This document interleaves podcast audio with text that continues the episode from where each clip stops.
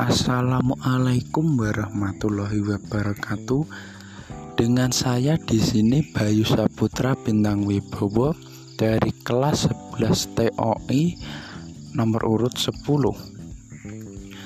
Pada kali ini saya akan menyampaikan sebuah ancaman terhadap negara Indonesia yang sedang terjadi akhir-akhir ini Ancaman tersebut dilakukan oleh suatu organisasi di Papua, yaitu Organisasi Papua Merdeka atau disingkat OPM.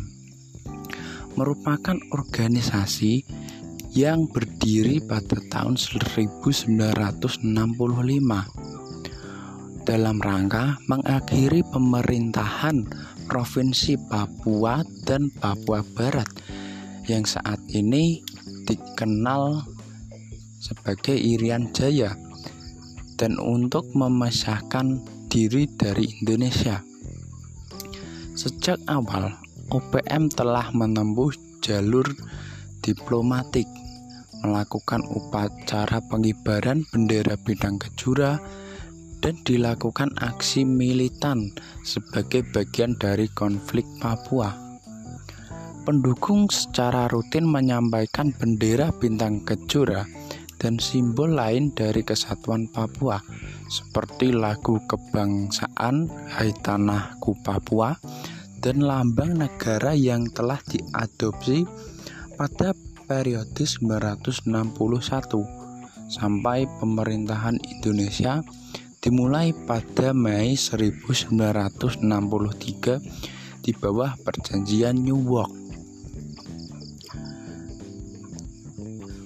Akibat adanya OPM tentu membuat resah masyarakat sekitar.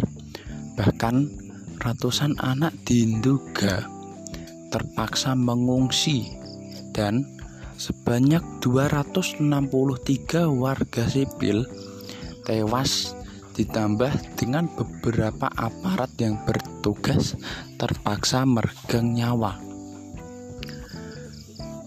Dalam mengatasi ancaman tersebut, menurut pendapat saya pribadi, kita dapat melakukan suatu strategi yang di mana dapat deng dengan cara menanamkan rasa cinta tanah air pada generasi-generasi muda agar gener gerakan OPM tidak diteruskan kepada keturunan para pemberontak tersebut. Sekian dari saya. Terima kasih. Wassalamualaikum warahmatullahi wabarakatuh.